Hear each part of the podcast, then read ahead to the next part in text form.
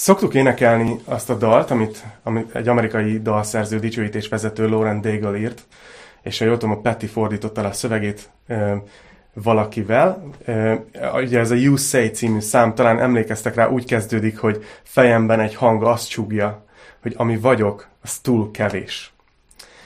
Ez a, ez a dal ez nagyon-nagyon népszerű lett az amerikai Egyesült Államokban, de egyre több országban terjed, és eléggé töretlenül egyre népszerűbb, és többen nézik, hallgatják, éneklik, és azt hiszem, hogy azért, mert egy olyan gondolatot kap el, amivel mindannyian, vagy hát legalábbis nagyon sokan küzdünk. Nagyon sokszor szembesülünk ezzel az életben, hogy, hogy, hogy kevés vagyok, hogy kevés az, amit, amit tenni tudok, amit nyújtani tudok.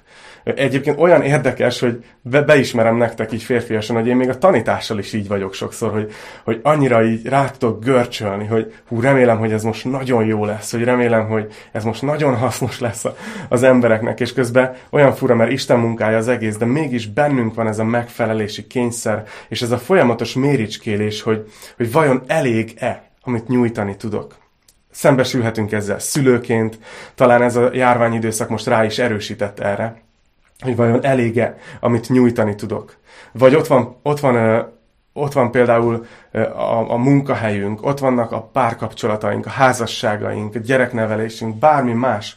És olyan sokszor felmerül az életbe, hogy, hogy elbizonytalanodunk, hogy elége az, amit én leteszek az asztalra.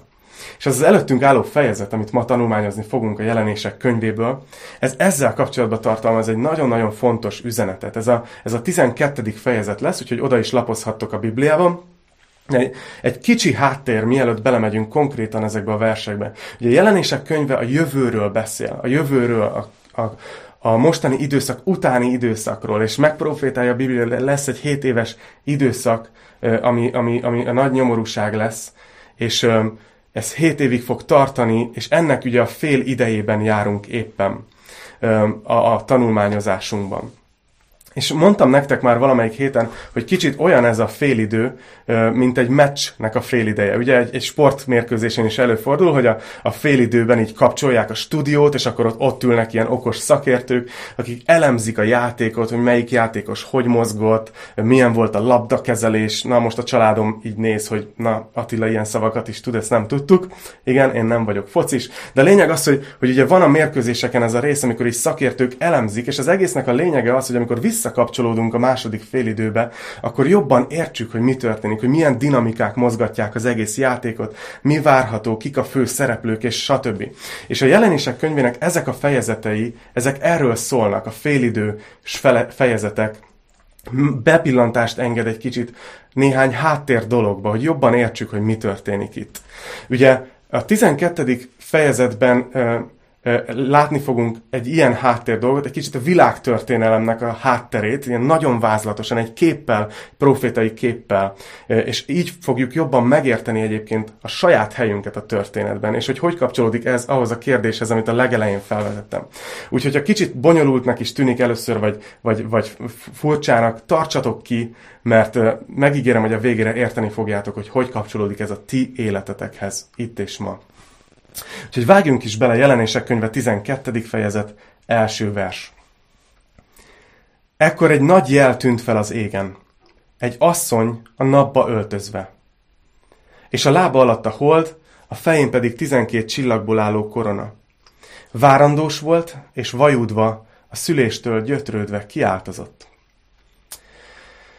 Itt meg is állok egy picit, itt már látjuk is az első jelet ugye, és azt mondja, hogy egy asszony napba öltözve, lába alatt a hold, fején pedig a tizenkét csillagból álló korona, és várandós volt, és vajúdva a szüléstől gyötrődve kiáltozott. A jelenések könyveiben az a veszélyes, hogy, hogy néha szimbolikusan értelmezzük azt, amit szó szerint kellene értelmeznünk, máskor pedig ö, ö, szimbolikus ként értelmezzük, vagy szó szerint értelmezzük, amit szimbolikusan kéne. És itt segít nekünk a szöveg, mert ha megfigyeltétek, azt mondta, hogy egy nagy jel tűnt fel az égen. Tehát ez itt egy szimbólum.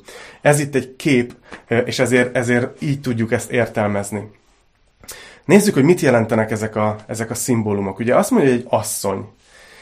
Az asszony az itt, mivel egy szimbólum, ezért nem egy konkrét személyre utal, hanem, hanem általában az asszonyok azok vagy egy népet, vagy egy vallási rendszert jelképeznek a Bibliában. Gondoljatok például Jezábelbe, vagy akár abba is belegondolhatok, hogy maga az egyház, ugye a keresztények, és úgy utal rájuk a Biblia, mint Krisztus menyasszonya. Tehát a női alakok azok nagyon sokszor ilyen, ilyen dolgokat jelképeznek az igébe. De aztán látjuk, hogy ez az asszony ez nappa van öltözve, és a lába alatt a hold, és a 12 csillagból álló korona van a fején. És a nagy kérdés az ilyenkor, amikor egy ilyen szimbólumrendszert látunk, ahelyett, hogy elkezdenénk kitalálni, hogy ez mit jelenthet, hogy megpróbáljuk megtalálni az Ószövetségben, hogy hol jelenik meg ugyanez a szimbólumrendszer. Mert a Biblia az koherens önmagában.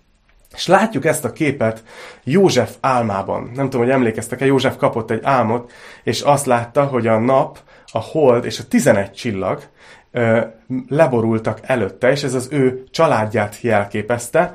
Ugye ő igazából a 12. csillag, és ez a, az ő családja az gyakorlatilag Izrael. Ebből az egy családból nőtt ki Izrael népe.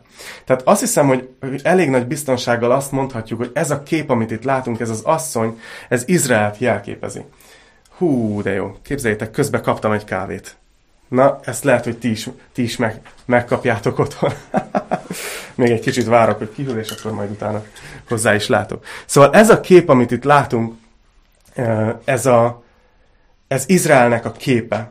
És látjuk azt, hogy, hogy szülni készül ez az asszony aki szimbolikusan Izraelt jelenti. És ez azért érdekes, mert ugye a Biblia beszél arról, hogy Izrael népének az egyik legfontosabb elhívása, küldetése kezdetektől az volt, hogy rajtuk keresztül szülessen meg, jöjjön el a mesiás.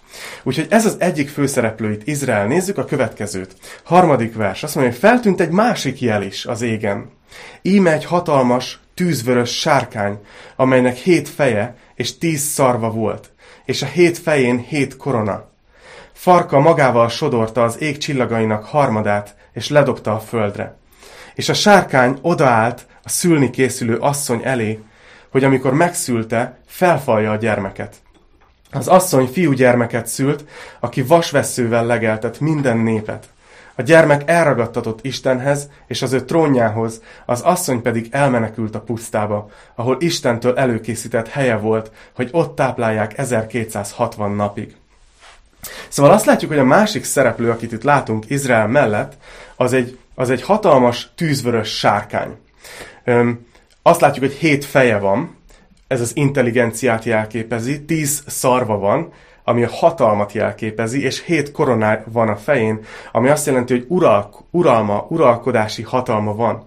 És azt látjuk, hogy a farka magával sodorta a csillagok harmadát. A csillagok a Bibliában nagyon sokszor az angyalokat jelképezik. Tehát tehát ez, ez itt nem is annyira nehéz értelmeznünk ezt a képet, hogyha van valamennyi ismeretünk a Bibliáról, ugyanis tudjuk, hogy a Biblia elmondja nekünk azt, hogy a sátán az, aki, aki aki fellázadt, őt nevezi sárkánynak, kígyónak, és mindjárt el is mondja ezeket a neveket itt a rész, és tudjuk, hogy amikor ő fellázadt Isten ellen, akkor ő az angyaloknak a harmadát is magával vonta, és bevonta ebbe a lázadásba. Úgyhogy, hát sajnálom, el kell bizonytalanítanom azokat, akik megpróbálták ezt a képet, hogy sárkány értelmezni, és azt gondoltátok, hogy esetleg süsű, de látjátok, tehát itt egy hétfejű sárkányról van szó.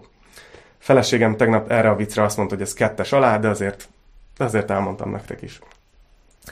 Na, a lényeg az, hogy látjuk itt, hogy itt van ez az asszony, aki Izrael, aki, aki el fogja hozni a mesiást, itt van a sárkány, aki ott áll, hogy készen áll, hogy felfalja a gyereket, Öm, és, és látjuk azt, hogy, hogy megszüli az asszony a gyermekét, fiút szül, és egyértelmű, hogy kicsodáról, kiről van szó, mert azt mondja, hogy vasveszővel legelteti minden népet, és Jézus a jelenések 2.27-ben, tehát néhány fejezettel korábban magáról mondta ezt, hogy ő kapott erre hatalmat, hogy vasveszővel legeltesse a népeket. Ha valaki egyébként kultúrakedvelő, akkor talán ismeritek a Hendel mesiás oratóriumából is ezt a részt, ahol, ahol éppen ezt éneklik meg, hogy ő vasveszővel fogja uralkodni. Szóval összefoglalva, amit látunk, és most már ígérem, hogy kicsit megyünk gyakorlatiasabb részek felé, azt látjuk, hogy egy kozmikus küzdelem zajlik, amit a sátán vív Isten ellen és Izrael ellen a történelmen keresztül, és ez átfogja az egészet. Látjuk azt a történelemben, hogy visszanézünk, hogy, hogy a sátán megpróbálta megakadályozni Istennek a megváltási tervét, nagyon sok esetben.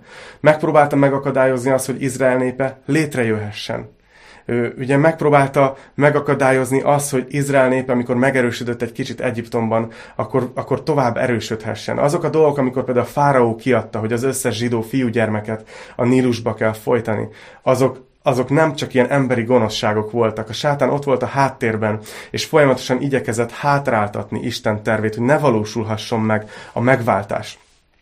És utána, amikor Jézus mégis megszületett, ugye ezt látjuk ebben a képben, hogy ott áll a sárkány, és várja, hogy megszülessen a gyermek. De és amikor Jézus megszületett, akkor is látjuk ezt, hogy, hogy ugye Herodes egyből kiadta azt a rendeletet, hogy a két évnél fiatalabb fiúgyermekeket meg kell ölni.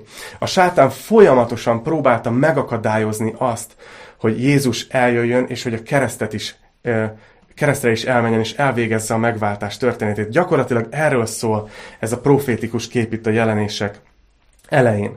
Szóval eddig, eddig a eddig ezt láttunk. És uh, amit látni fogunk, az az, hogy ez a fejezet nagyon sokat beszél a sátáról. És én nem sokat, sokat, uh, nem sokat szoktam róla tanítani, mert, mert, uh, mert, uh, mert, mert nem, nem igazán kedvelem ezt a témát. De azt látjuk, hogy, hogy nagyon fontos mégis, hogy ismerjük azt, hogy ő miben mesterkedik, és miben van benne, és mit csinál, mi a szándéka. És itt a sátán még nincs kész, még ma sem adta fel a zsidó nép elleni küzdelmet. És ez azért van, mert a végidőkben Izrael népének szerepe lesz még. Nehogy azt gondoljátok, hogy amikor tanulunk a holokausztról, és tudjuk, hogy milyen borzalmas dolgok történtek a második világháborúban, hogy az csak az emberi gonoszság volt. Én meg vagyok róla győződve, hogy volt egy szellemi dimenziója, ahogy ugyanúgy a sátán a mai napig próbálja megakadályozni, ellehetetleníteni ezt a népet, akinek még szerepe van Isten tervében. Szóval, hogyha kicsit visszazumolunk oda, hogy hol tartunk most a jelenések könyvében, Ugye a nagy nyomorúság fél idejénél. Arról már beszéltem a korábbi tanításokban, és fent vannak a, a, az archívumban nyugodtan megnézhetitek, hogy úgy kezdődik majd a nagy nyomorúság, hogy az Antikrisztus megjelenik, ez a karizmatikus politikai és gazdasági vezető, és szövetséget köt Izraellel és a népekkel hét évre, újjáépül a Jeruzsálemi templom, és azt fogja hinni nagyon sok ember Izrael népek közül, hogy ő az a mesiás. Mai napig él az a hit, hogy a, a mesiás fogja újra építetni a templomot. Szóval sokan össze fogják őt keverni. De a Biblia megprofétálja, hogy a félidőben, a felénél ö, ö, megszegi ezt a szövetséget, és beül ebbe az újjáépült templomba, és azt fogja állítani magáról, hogy ő az Isten. Dániel próféta beszél erről, amikor azt mondja, hogy a pusztító utálatosság ott lesz a szent helyen. És a történelem legnagyobb üldözése kezdődik ekkor, mert nagyon sokan a zsidók közül fel fogják ismerni, hogy ő nem az, akinek gondolták, hogy Jézus volt valójában a mesiás. És a világ történelem legnagyobb üldöztetése fog kezdődni Izrael ellen, úgy látjuk a proféciákból. Erre vissza fogok még térni, de mi történik itt a nagynyomorúság felénél még? Ahogy mondtam, ez egy magyarázó fejezet, bepillantást nyerünk a hátterébe az eseményeknek, hogy nézzük még a hetedik verstől, hogy mi történik. Ezután háború támadt a mennyben. Mihály és az angyalai harcra keltek a sárkányjal, és a sárkány is harcra kelt angyalaival együtt. De nem tudott felülkerekedni, és nem maradt többé számukra hely a mennyben. És levettetett a hatalmas sárkány, az ősány, az ősi kígyó, akit ördögnek és sátánnak hívnak, aki megtéveszti az egész földkerekséget, levettetett a földre, és vele együtt az angyalok is levettettek. Szóval azt látjuk, hogy ami itt történik, és itt már nem azt mondja, hogy egy jel történik, hanem hogy ezek után láttam, és ez mindig a, a kronológiai sorrendre vonatkozik, hogy egy háború történik a mennyben. És Mihály, lehet, hogy fölmerült bennetek, hogy ki az a Mihály, szóval annyira sokat nem szoktunk róla beszélni. Mihály az egyik vezető angyal a mennyben. A, a, a, a kanonizált bibliai szöveg nem említi név szerint az összes vezető angyalt. A nem kanonikus zsidó irodalomban egyébként az látszik, hogy hét ilyen vezető angyal vagy arkangyal van. Néhányakkal találkozunk egyébként, például Gabriel, ő mindig ugye Isten üzenetét adja át, és ez, ez ebben a körben volt közülük való Lucifer is, aki sátánná vált. És Mihály pedig a zsidó népnek a felelőse. És itt azt látjuk, hogy Mihály és az angyalai, és a sárkány és az angyalai harcolnak egymással. És egy háború van a mennyben, ez az igazi égi háború. És Milton egyébként az Elveszett Paradicsom című költeményében megpróbálja elképzelni, hogy hogy zajlott ez a háború, olvassátok el, de nagyon érdekes, nem nagyon tudjuk elképzelni, hogy milyen az, a, milyen az a háború, ami a mennyben zajlik, de azt látjuk, hogy milyennek a következménye. Ennek a háborúnak az a következménye, hogy a sátánt kirakják a mennyből. Levettetik a földre. És lehet, hogy azt mondod, hogy de várj, ez nem megtörtént már? Csak nagyon röviden szeretném elmondani nektek, hogy azt látjuk a Bibliában, hogy a sátán levettetése az egy, az egy olyan folyamat, mint amikor talán magatok elé tudjátok képzelni, láttatok már olyan videót, vagy ha megtörtént veletek, és amikor valaki megbotlik a lépcső tetején, és így az összes lépcsőfokon így ding ding ding ding ding így végig, végig szánkázik, és így rossz nézni. És kicsit ilyen a sátánnak a levettetése. Legalább négy lépcsőfokot látunk. Ugye legelőször ő kiesett a szerepéből, elvesztette a dicsőségét, amikor fellázadt Isten ellen, egy lázadóvá vált. Ugye Jézus mondja erről Lukás 10.18-ban, hogy láttam a sátánt lehullani, mint egy villámlás.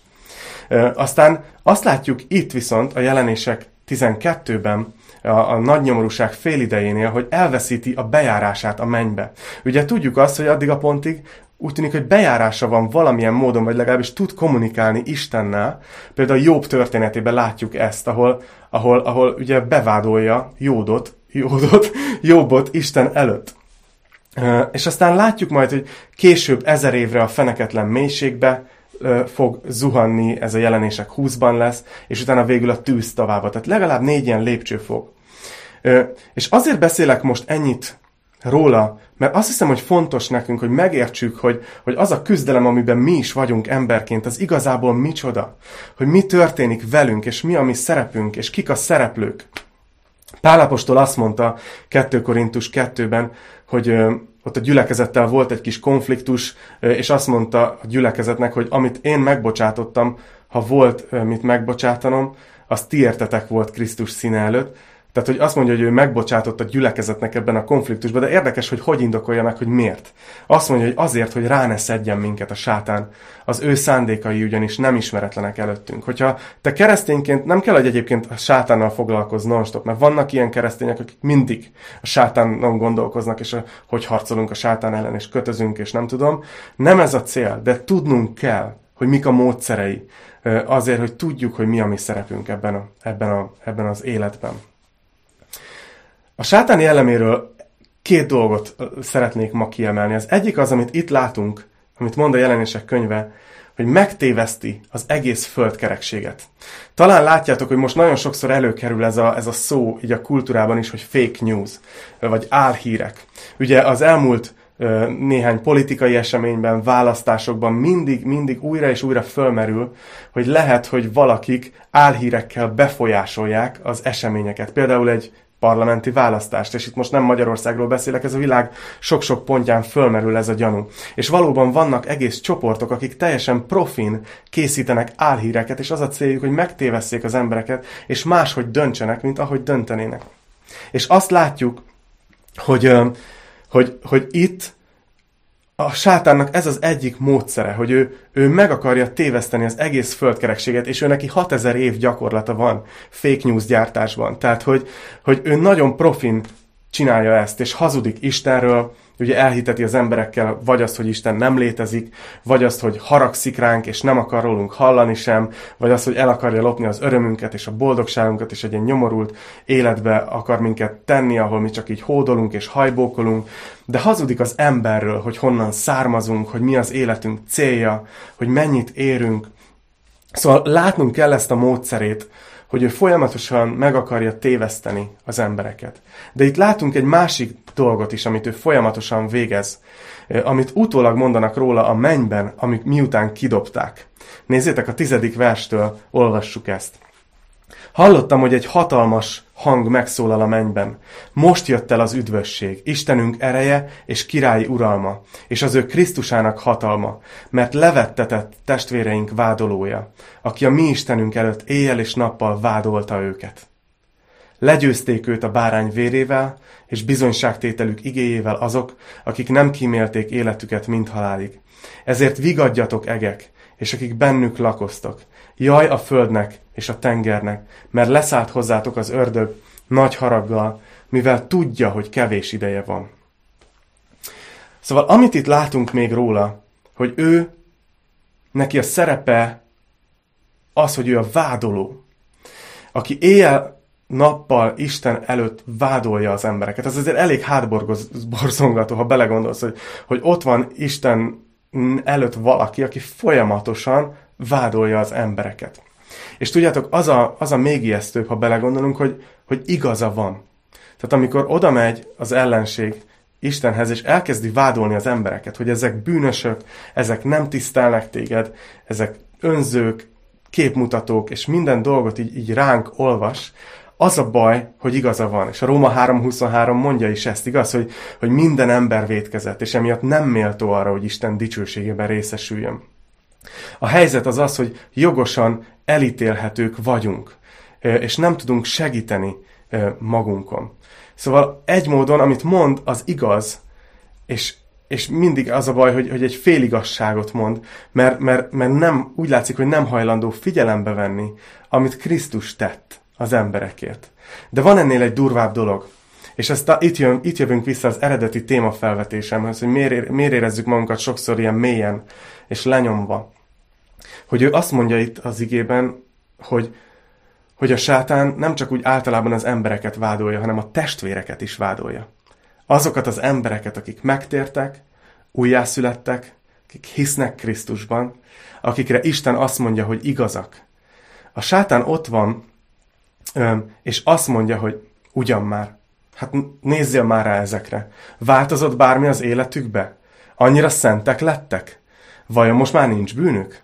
Persze megváltoztak, ugye? És így vádol minket Isten előtt. És az a baj, hogy, hogy igaza van. János apostol mondja, és nem én mondom. János apostol mondja a Bibliában, hogy mindannyian sokat vétkezünk. Látjátok, hogy, hogy Jakab azt mondja, hogy aki beszédben nem vétkezik, az tökéletes. De hát ki az, aki beszédben nem vétkezik? Tehát egy módon igaza van, mert, mert nem tűnt el a bűn egy csapásra az életünkből. De hogy amiért beszélek erről, az azért, mert gondolod, hogy ha, ha a sátánnak van képe Isten előtt vádolni a keresztényeket, akkor vajon hozzád nem jön oda? És így a füledben nem súgja bele ugyanezeket a dolgokat? És azt hiszem, hogy megteszi. Azt hiszem, hogy sokszor odajön, és, és mondja, hogy figyelj, nézd már magadra. Már megint milyen volt ez a heted? Már megint látod, hogy hogy buktál el ugyanabban a dologban, amiben ezer napja elbuksz? Látod, hogy már megint oda kattintottál arra az oldalra, ami nem kellett volna? Látod, hogy már, már megint hogy beszéltél a gyerekeiddel? És, és tudod, így, így mondja nekünk, hogy, hogy mennyire rosszak vagyunk. És ö, látok, látok keresztényeket, akik elbizonytalanodnak ezen, és ö, oda jutnak, hogy, hogy elbizonytalanodnak, hogy egyáltalán, ö, egyáltalán van-e még üdvösségem hogy győzhetünk-e még a vádolás fölött. Hogy egyáltalán mi a helyzet. Azt gondolják sokan, hogy mérges rájuk Isten, hogy nekik annyi. És ezért nagyon fontos ezt tudni, hogy hogyan győzhetünk a vádolás fölött. Azt mondja itt a Biblia, hogy legyőzték őt a bárány vérével, ez az első dolog. A bizonyságtételük igéjével, és hogy nem kímélték az életüket mind halálig. Ez a bárány vére, ez egy hihetetlenül érdekes téma. Gergő tanított róla nem is olyan régen. Talán emlékeztek is erre. Hogy uh, Egyiptomban, amikor jött az ítélet, akkor, akkor Ja, bocsánat közben, hogy kicsit így szétestem. A feleségem csörgetett meg a telefonon, és most írt a messengeren, hogy a gyerekek csörgettek meg véletlenül, úgyhogy legalább akkor köszönök a családomnak, és akkor visszatérek a tanítás fősodrába. A lényeg az, hogy a bárány vére Ugye Egyiptomban, amikor jöttek a csapások, akkor az volt az egyszerű instrukció a családok számára, hogy kenjék be ennek a bár, áldozati báránynak a vérével az ajtófélfát, és abban a házban, ahol ott van a vér az ajtófélfán, ott nem lesz ítélet. Ott átugrik a pusztító angyal, és nem lesz ítélet. És ugyanez a kép, ami, ami a mi életünkben történik, hogy gyakorlatilag ami, ami történt velünk, hogy Krisztus a kereszten elvégezte helyettünk az áldozatot. Elvégezte, és az ő vére van a mi életünkön. És így győzhetjük le a kísértőt, a vádolót, aki, aki minket is vádol. Hiszen tudjuk azt, hogy nem csak ő van ott, hanem ott van Krisztus is a mennyben. És ezt még nem említettem most, pedig ez sokkal fontosabb, mint az, hogy van ott valaki, aki vádol minket. Ott van, azt mondja a zsidókhoz írt levél 7. rész 25 hogy ezért Jézus üdvözíteni tudja örökre azokat, akik általa járulnak Istenhez. Hiszen ő mindenkor él, hogy esedezzék értünk. Tehát, hogy nem, nem úgy van ez, hogy, hogy mi bejutunk valahogy a mennybe, hogy mi elég jók leszünk ahhoz egyszer csak, hogy Isten elfogadjon minket. Nem mi jutunk be a mennybe, hanem ő visz be minket a mennybe. Nem tudom, hogy értitek-e, hogy mi a különbség. Hogy, hogy ott van az a dal, amit szoktunk énekelni, hogy ott a mennybe fenn, a trónusnál, a Krisztus értem közben jár. Hogy nem tudom, hogy elképzelitek-e ezt a, ezt a képet a fejetekben, hogy igen, ott van az ellenség, aki vádol minket, de ott van Krisztus, aki pedig közben jár értünk. Szerintetek Isten kire hallgat? Egészen biztos lehettek benne, hogy Krisztusra hallgat. Az ő vére az, ami hangosan beszél, ami minket teljesen megszabadított. És ezért van az, hogyha mi ebben biztosak vagyunk, hogy Jézus Krisztus vére megszabadított minket. Az egy egészen újfajta szabadságot ad nekünk, egy egészen újfajta életkedvet és erőt az élethez, és hirtelen nem tud annyira lehúzni. Azért mondja, hogy legyőzték őt a bárány vérével, mert, mert ez a vér, ez, ez őt, őt, őt eltakarítja az útból, innentől kezdve neki nincs szava. János apostol azt mondja, 1 János 2.1, nézzétek ezt a verset, zseniális. Azt mondja, hogy gyermekeim, azért írom nektek ezeket, hogy ne védkezzetek. Ha pedig védkezik valaki, van pártfogunk az atyánál, az igaz Jézus Krisztus hihetetlen. Azt mondja János a keresztényeknek, hogy ne védkezzetek. És ez nem azért mondja, mert elnye, ha védkeztek, akkor Isten elvett titeket, és hirtelen kiestek a pixisből, és így már nem lesztek kedvesek Isten szemében. Hanem a bűn az tönkre tesz minket, az nekünk sem jó. És azt mondja János, hogy ne védkezzetek. De, ha védkeztek, akkor tudjátok, hogy van pártfogunk az atyánál. És ezt könnyen el lehet vinni abba, hogy hát akkor gyerünk, védkezzünk, de ki akarna védkezni? Hogyha tudod, hogy Isten ennyire szeret téged. Azt mondja Pál a római levél 8-ban, 31. verstől, hogy mit mondjunk tehát ezekre. Ha Isten velünk, akkor ki lehet ellenünk? És látjuk, hogy van valaki ellenünk, de mennyi az ő súlya? Nem sok, igaz? Hogyha Isten velünk van, és a mi oldalunkon áll, akkor ő nem hallgat a vádolóra. Azt mondja, hogy aki a tulajdon fiát nem kimélte, hanem mindannyiunkért odatta. Hogyan ne ajándékozna nekünk vele együtt mindent? Fölteszi Pál ezt a kérdést, hogy ki vádolná Isten választottait. És ugye igazából jogosan csak Isten vádolhatna minket. De ehhez azt mondja Pál, hogy Isten az, aki megigazít. Ő, ő vádolhatna, de inkább úgy döntött, hogy megigazít minket. Azt mondja, hogy ki ítélhetne kárhozatra. Ugye megint csak ki, egyedül Isten ítélhetne kárhozatra. Jézus Krisztus. De azt mondja, nézzétek, hogy hiszen Jézus Krisztus az, aki meghalt, sőt feltámadt, aki az Isten jobbján van, és esedezik is értünk. Nem tudom, hogy érzitek ennek a, ennek a döbbenetes súlyát, hogy, hogy igen, van ez az egész történelmi kontextus. A sátán vívja a harcát Isten ellen, Izrael ellen, gyülekezet ellen, de hogy, de hogy a mi helyzetünk annyira hihetetlenül stabil Jézus miatt, hogy arra nincsenek szavak. És ezért van az, hogy legyőzzük a vádolást a bárány vérével. A második dolog, amit itt mondott a jelenések könyv, hogy legyőzték a bizonyságtétel igéjével. Amikor te bizonyságot teszel arról, hogy mi történt veled, amikor magadat is folyamatosan emlékezteted arra, hogy téged Isten elfogadott, megigazított, akkor, akkor ezzel legyőzöd a vádolást. Ezért van az, hogy mi minden héten úrvacsorát veszünk, és még ebben az időszakban is bátorítalak titeket mindig, hogy készüljetek az Isten tiszteletre, vegyetek magatokhoz egy kis szőlőlét, vagy bort és kenyeret, és az utolsó dal alatt vegyünk úrvacsorát, mert az úrvacsora azt mondja a szemünkbe, hogy, hogy meg vagyunk váltva. Ez egy emlékeztetés, ez egy bizonyságtétel. És végül azt mondja, hogy akik nem kimélték az életüket, mint halálig. És keresztényként ez egy hihetetlen dolog, hogy igazából, ha, ha igazán elhisszük az evangéliumot, igazán elhisszük, amit Isten tett értünk, akkor nincs, eltűnik előbb-utóbb a halálfélelem az életünkből. Pálapostól azt mondta, hogy hát nekem az élet az Krisztus, a meghalás az, az pedig nyereség, mert akkor nem itt leszek, hanem Istennel leszek. Őszintén mit kezd az ellenség egy olyan emberrel, aki teljesen biztos, hogy Krisztus megváltotta, aki erre folyamatosan emlékezteti magát, és nem hagyja kizökkenni magát, és nem fél a haláltól? Az ilyen ember az, azzal nem tud mit kezdeni. Úgyhogy ez az egyik dolog, amit, amit szerettem volna nektek elmondani ma, hogy hogy tudtok, hogy tudjátok legyőzni a vádolást saját magatokkal kapcsolatban. De szeretnék még egy dolgot mondani, és ezt nagyon fontosnak érzem. És ez az, hogy, hogy néha azt hiszem, hogy, hogy mi ránézünk nem csak magunkra, hanem más keresztényekre is. És lehet, hogy elkezdünk, elkezdjük őket vádolni. Hogy ö, megnézzünk más keresztényt, és elkezdjük ugyanezt mondani rá. Hogy hát nézd meg, az az ember milyen. Na ő vajon tényleg hívő? Hogy lehet, hogy ilyen dolgok vannak az életében? Hogy lehet, hogy nem úgy értelmezi azt a részt a Bibliában, hogy én? És nagyon vigyáznunk kell ezzel, mert amikor beállunk ebbe a vádolásba, akkor gyakorlatilag a, a, nem a jó oldalon állunk.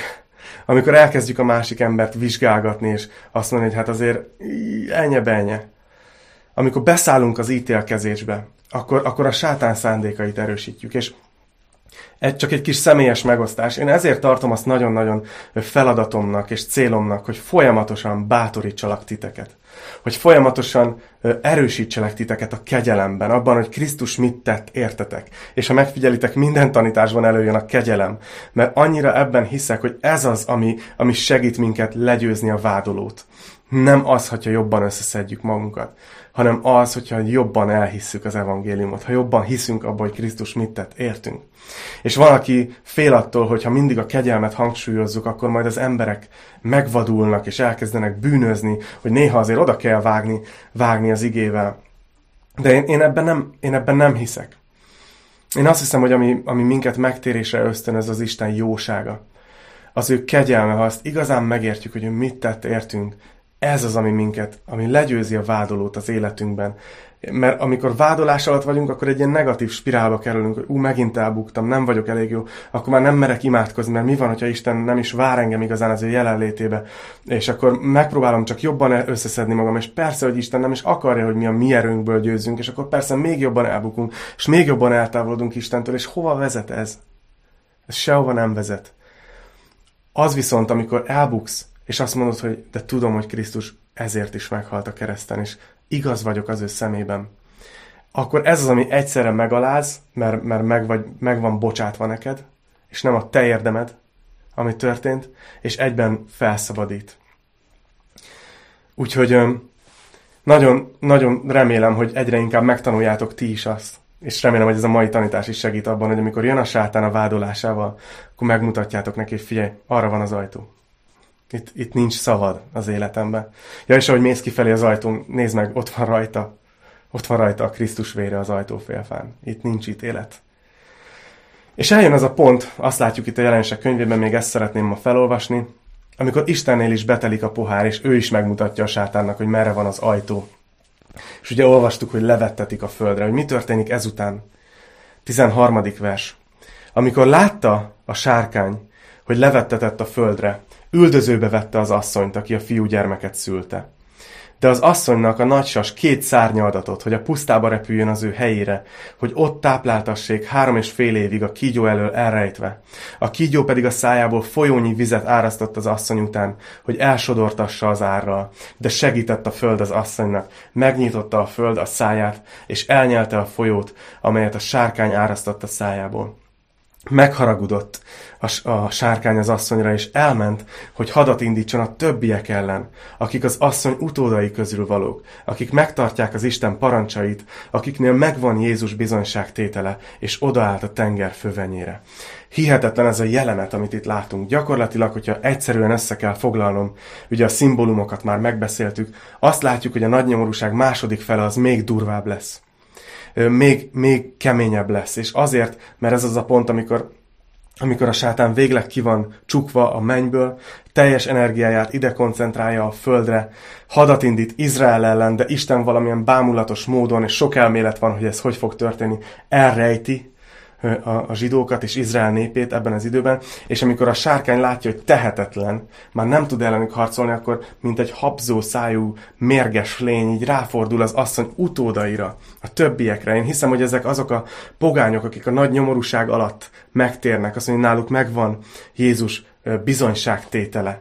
És, és a zsidóknak pedig menekülniük kell. És csak még egy dolog, hogy nézzétek meg, hogy Jézus beszélt erről az időszakról konkrétan erről, amikor a félidőben a zsidóknak menekülniük kell. És ezt mondta Jézus a Máté 24-ben, hogy amikor tehát meglátjátok, hogy a pusztító utálatosság ott áll a szent helyen, erről beszélt Dániel próféta, aki olvassa, értse meg, akkor azok, akik Judeában lesznek, meneküljenek a hegyekbe. Aki a háztetején lesz, ne szálljon le, hogy kihozzon valamit, és aki a mezőn lesz, ne térjen vissza, hogy elhozza a felső ruháját. Jaj, a terhes és szoptató anyáknak azokban a napokban.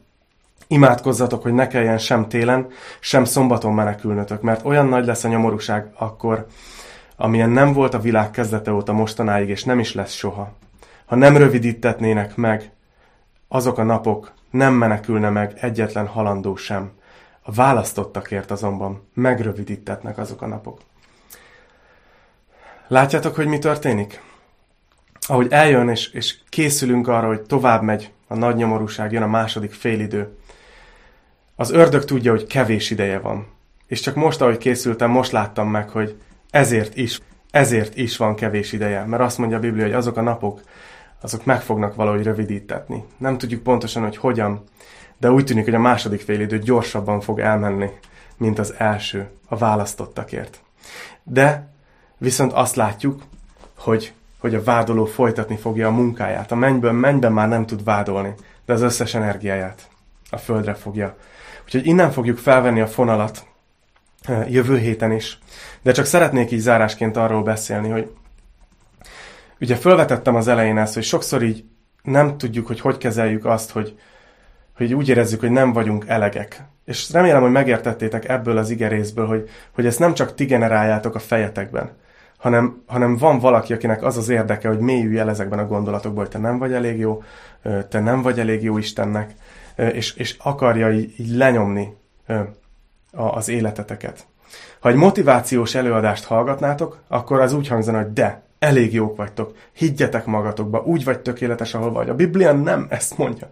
A Biblia azt mondja, hogy nem vagy elég jó, hogy haragot érdemelsz. De, de azt is mondja, hogy ha hiszel Krisztusba, akkor elég jó vagy. Nem magad érdeme miatt, hanem Krisztus érdeme miatt.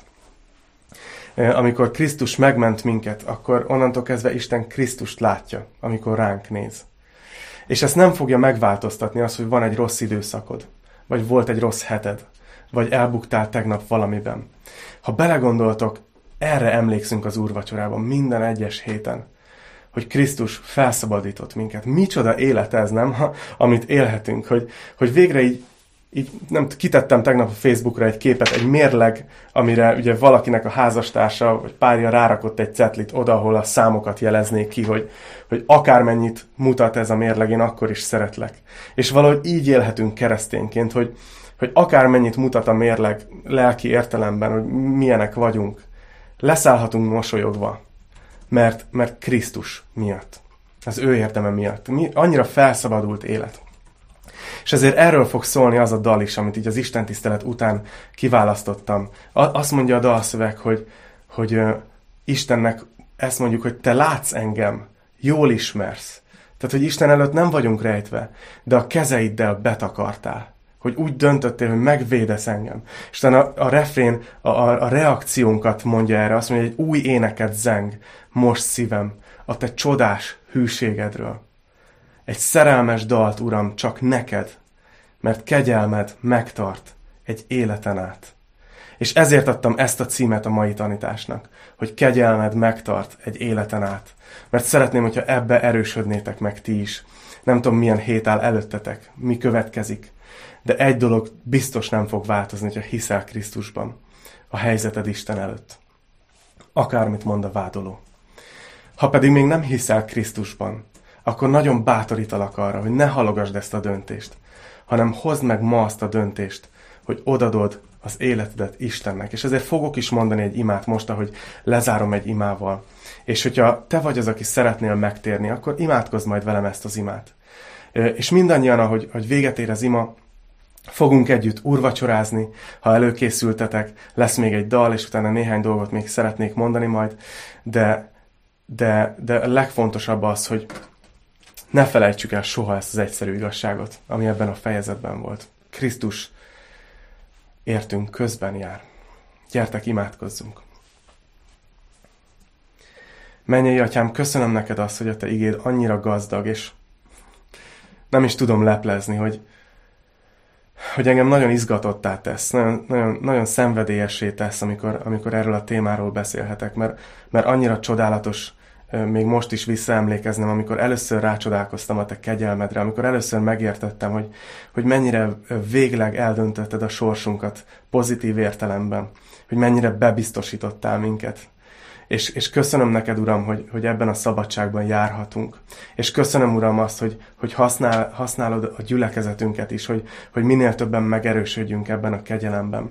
Köszönöm azokat is, akik ebben az időszakban és online kapcsolódtak be. És szeretnélek kérni, hogy segíts nekünk ezt, ennek az üzenetnek igazán mélyre menni a szívünkbe, hogy gyümölcsöt teremjen az életünkben ez a felszabadultság, ez a megszabadultság. És Uram, szeretnék imádkozni, hogyha van bárki, akinek ma kell meghozni a döntést, hogy átadja neked az életét, és megtér hozzád, akkor mutass most rá szükségére, hogy ezt meg kell lépnie. Úgyhogy ha te vagy az, aki tudod, hogy szeretnéd ezt a döntést ma meghozni, akkor mondd magadban velem együtt ezt az imát. És én hiszem, hogy Isten hallani fogja, és hogyha szívből, szívből így gondolod, akkor ő válaszolni is fog erre. Imádkozz velem magadban.